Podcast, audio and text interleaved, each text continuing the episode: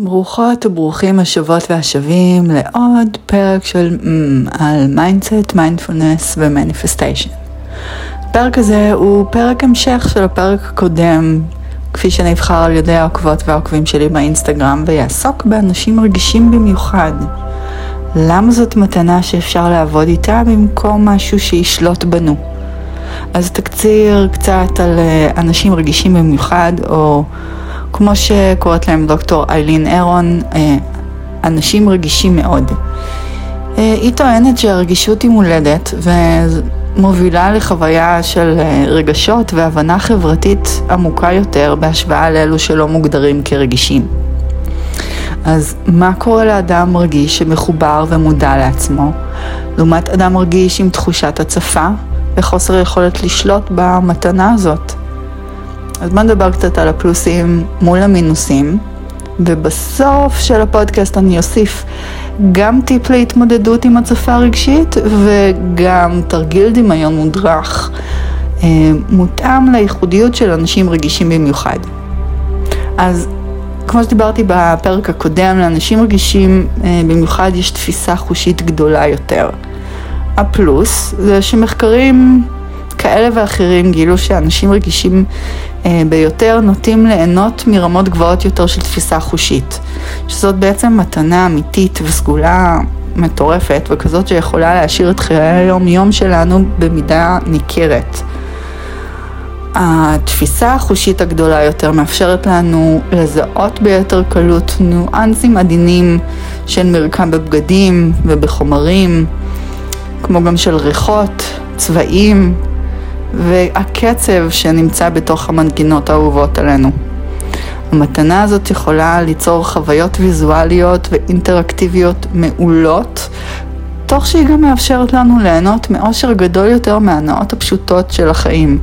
זאת אומרת, אפילו להסתכל על נוף של ים, לאדם רגיש במיוחד זה ירגיש עוד יותר מרגיע, עוד יותר טוב, עוד יותר נעים. המינוס באותה מידה יכולה להיווצר חוויה חושית מציפה ולא נעימה.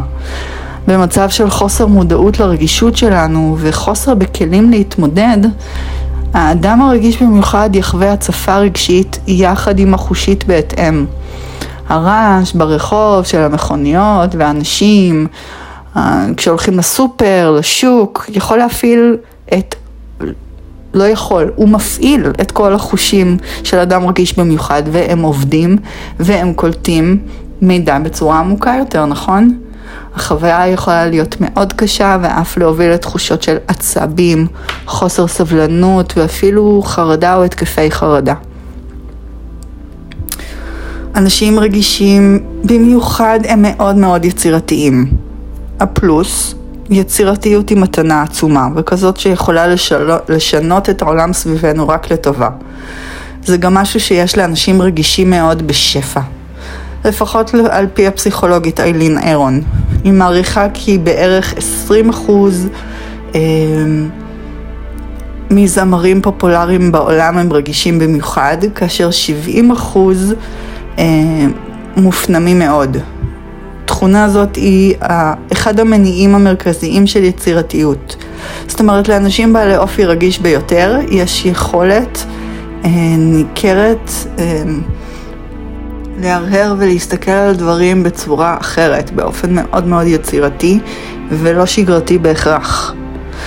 מינוס, המופנמות יכולה להוביל לתחושה של לבד, או ממש לבידוד חברתי, או חוסר הבנה חברתית. ויחד עם זאת תחושות של דיכאון, עצבות, שונות וחוסר מובנות. בנוסף, חוסר ביטוי של העצמי של יצירתיות הוא בדיוק זה.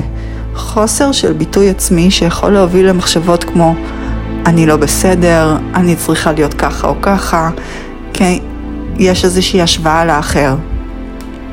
אנשים רגישים במיוחד מאוד מחוברים לרגשות של אחרים. פלוס, יש שמתארים אנשים רגישים במיוחד כאמפתיים, אה, אבל המתנה חורגת הרבה מעבר לזה.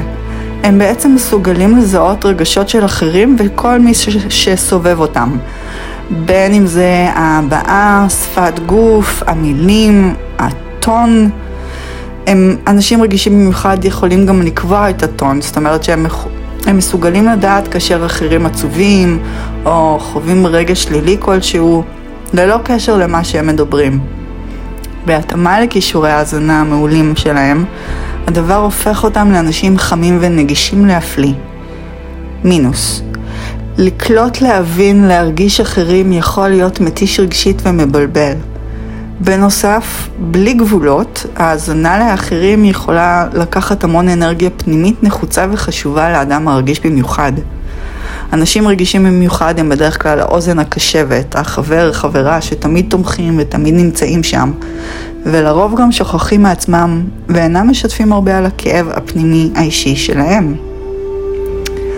לאנשים רגישים במיוחד יש עולם פנימי עשיר מאוד.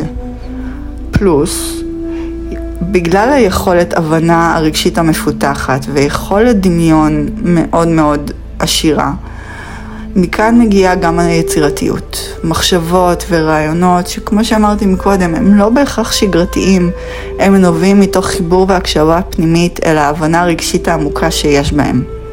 מינוס, הם יכולים גם להצטייר עפיפונים, חולמניים, עם קושי להתמיד בדברים ומאוד מאוד שקטים.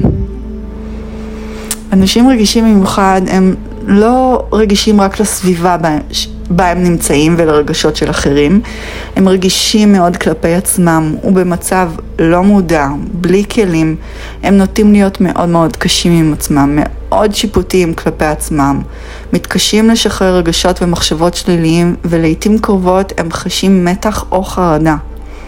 כאן מתחבר תרגול המיינדפולנס. בעיקר מדיטציות או בכלל להתנסות בעולם הדמיון המודרך. תרגול מיינדפולנס עוזר לנו להתחבר לעצמנו במצב שבו אנחנו רגועים, נינוחים, ואנחנו יכולים להעביר את הקשב פנימה ופשוט להתבונן. אנחנו בזמן התרגול של המדיטציה, אנחנו עם mind של חוקרים עם הרבה הרבה סקרנות למה קורה איתנו. ככל שמתרגלים יותר התבוננות על ידי המדיטציה ושילובים שונים של תרגילי מיינדפולנס שאפשר לעשות ביום יום, אנחנו מאפשרים לעצמנו לשחרר ביקורת פנימית נוקשה. הגוף משחרר את הלחץ והחרדה, ומתאפשר לנו פשוט להיות. בלי לפעול כי עלתה מחשבה, תחושה או רגש כלשהו. אחד התרגילים שעד היום קשה לי לעשות, זה שאם בזמן מדיטציה מתחיל לדגדג לי בברך נגיד, וממש עולה לי הצורך לגרד, אז לפי הגישה אני אמורה לחקור את התחושה עצמה. אה, איפה זה מרגיש, אה, לאן זה הולך, זה גלי, זה חם, קר, להתחבר לתחושה ומאוד מאוד קשה לי.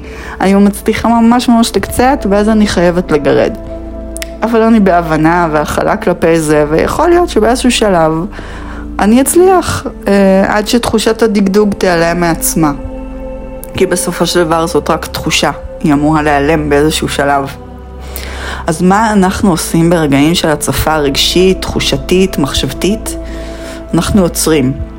אנחנו מנסים למצוא מקום עם פרטיות, ואפשר לעשות את אחד מהדברים הבאים.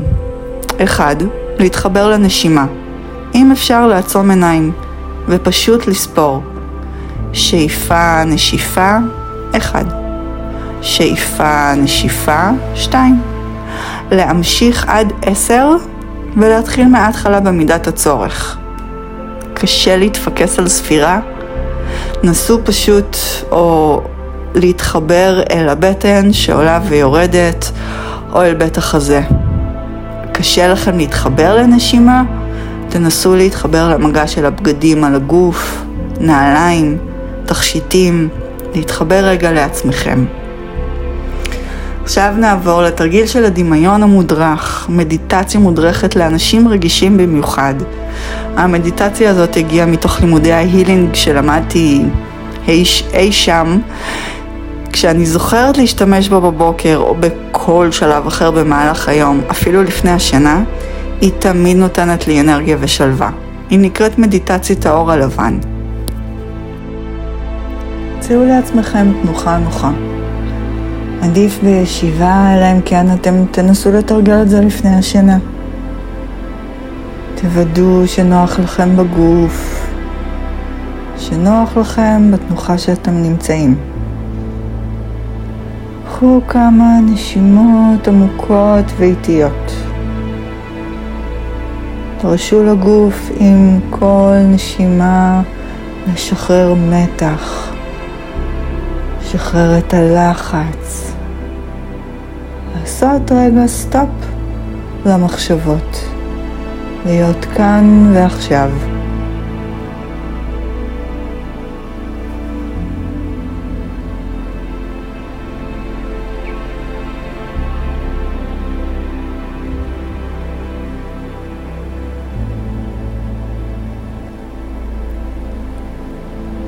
דמיינו מעליכם שמש, נעימה, חמימה במידה הנכונה, בדיוק בטמפרטורה שאתם אוהבים. שמש עם קרני אור לבנות, מבריקות. תראו איך מתוך קרן האור הלבנה הזאת יוצאות עוד קרניים לבנות שמגיעות אליכם ונמצאות מעל הראש. אולי אפילו תוכלו להרגיש בחמימות שלהם. תנו לקרני האור האלה להיכנס דרך הקודקוד פנימה אל הראש ולמלא כל חלק וחלק.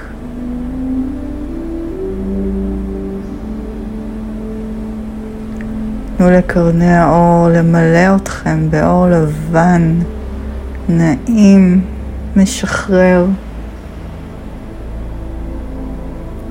שמתפרס על כל תא ותא ומרפא כל שריר ושריר.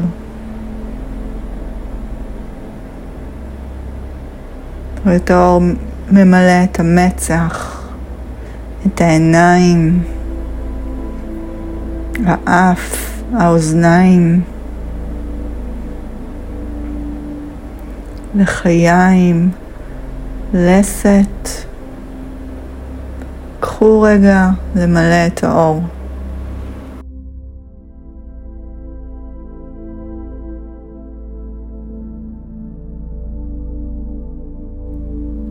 תרשו לאותם קרני אור לרדת עוד מטה אל הצוואר והכתפיים.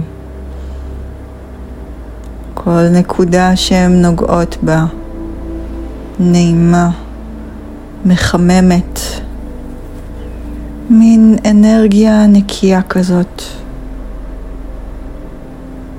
אם אתם מרגישים איזושהי תפיסות או אי נוחות עם כל נשימה שאתם לוקחים, נסו להזרים את קרני האור אל האזור הזה. נסו להתמקד באזור הצוואר, כתפיים וגב עליון.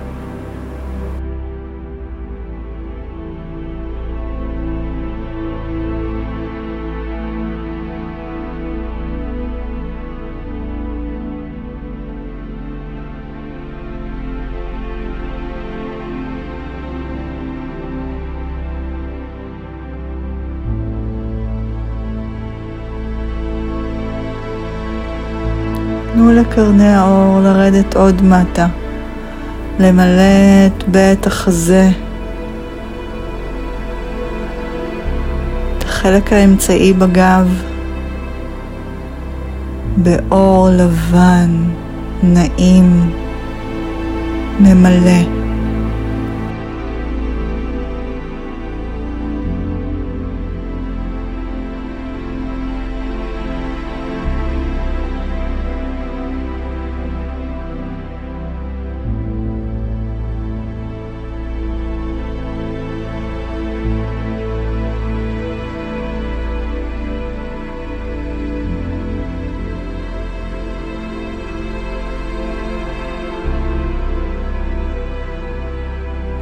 וקרני האור ממשיכות לרדת מטה אל הגב התחתון, ואל הבטן.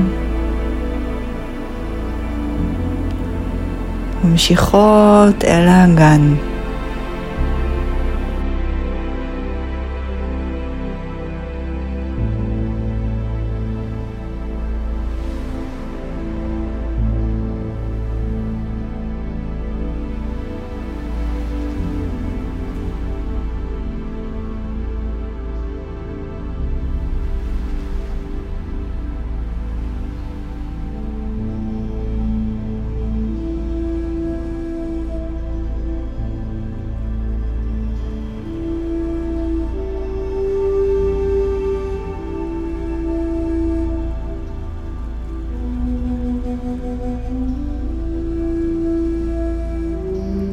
קרני האור יורדות עוד מטה ומטה אל עבר האגן והירחיים, ממלאות כל תא ותא באנרגיה בריאה, אוהבת ומכילה.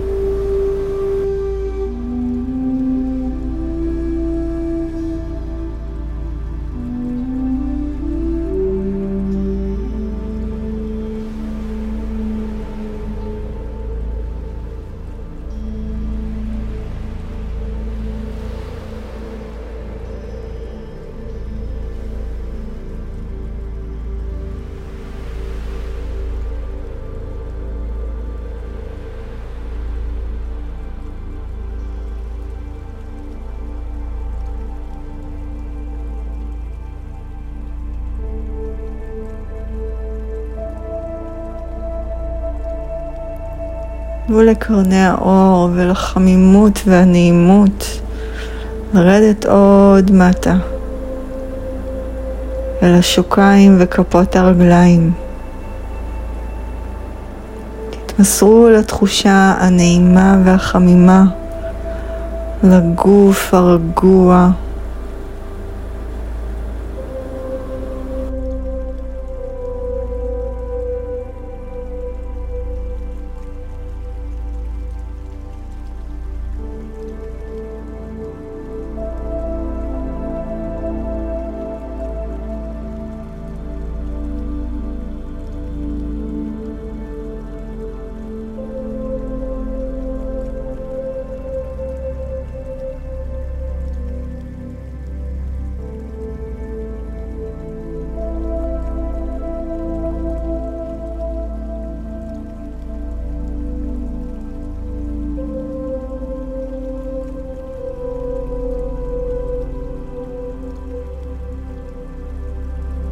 ותנו לאור הזה שממלא כל תא ותא בגוף שלכם לצאת גם מעבר לגבולות הגוף.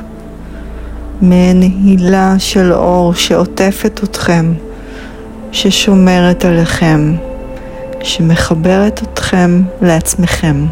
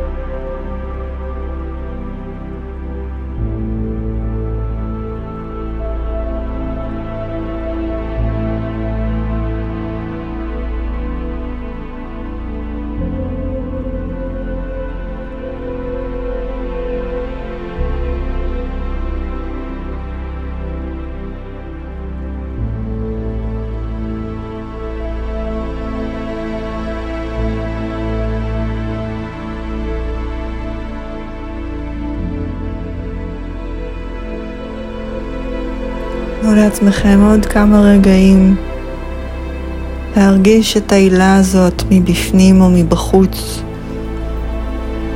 כשתרגישו מוכנים, חזרו אל הכיסא שעליו אתם יושבים.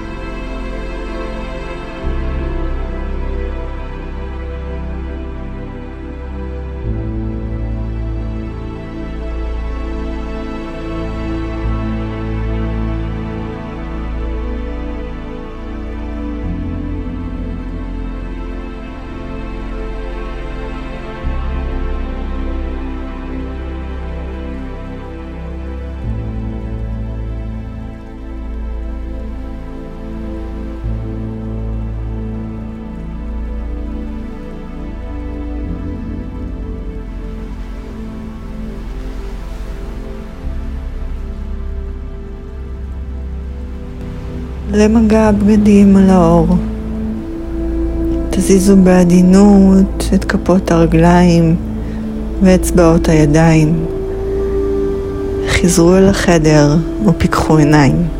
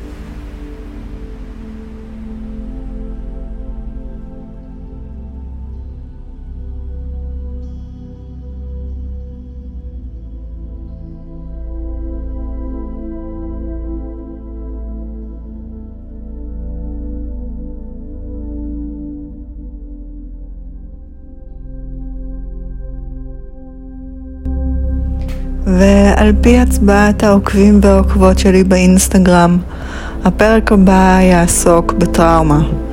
מה על טראומה? זה בדיוק מה שאני שואלת באינסטגרם, מוזמנים לעקוב ולענות. חפשו סימפלי שירה. נתראה בפרק הבא.